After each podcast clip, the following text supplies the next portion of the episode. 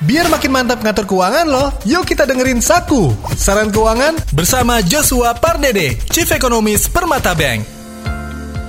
Sebenarnya kalau inflasi itu kan buat suatu negara ada dampak yang positif, ada negatif ya. Sebenarnya di sisi yang lain, inflasi itu sebenarnya ekonomi sedang berjalan. Berbeda kalau kita lihat kemarin pada saat pandemi 2020, pada saat nggak ada kegiatan, semua aktivitas di rumah, nggak bisa traveling juga ya, nggak bisa kongko-kongko di mall, nggak bisa makan-makan di restoran, terbatas sekali. Itu tingkat inflasinya sangat rendah sekali. Bahkan di negara-negara maju bisa negatif inflasinya. Jadi artinya di sisi yang lain inflasi itu berarti aktivitas ekonomi sedang meningkat. Nah, tapi kalau peningkatan inflasi itu sudah terlalu tinggi, nah ini nggak bagus. Pada saat inflasi itu terlalu tinggi, kalau kita terus-terusan beli gorengan cuma dapat tiga ya, ataupun pertaletnya tetap sepuluh ribu, berarti kan pendapatan kita itu kan tetap ya, kita asumsikan tetap. Artinya daya beli kita yang cenderung akan menurun. Jadi artinya inflasi yang terlalu tinggi itu biasanya akan mendorong ataupun akan membuat daya beli masyarakat itu akan turun. Nah, e, supaya inflasi tidak terlalu tinggi,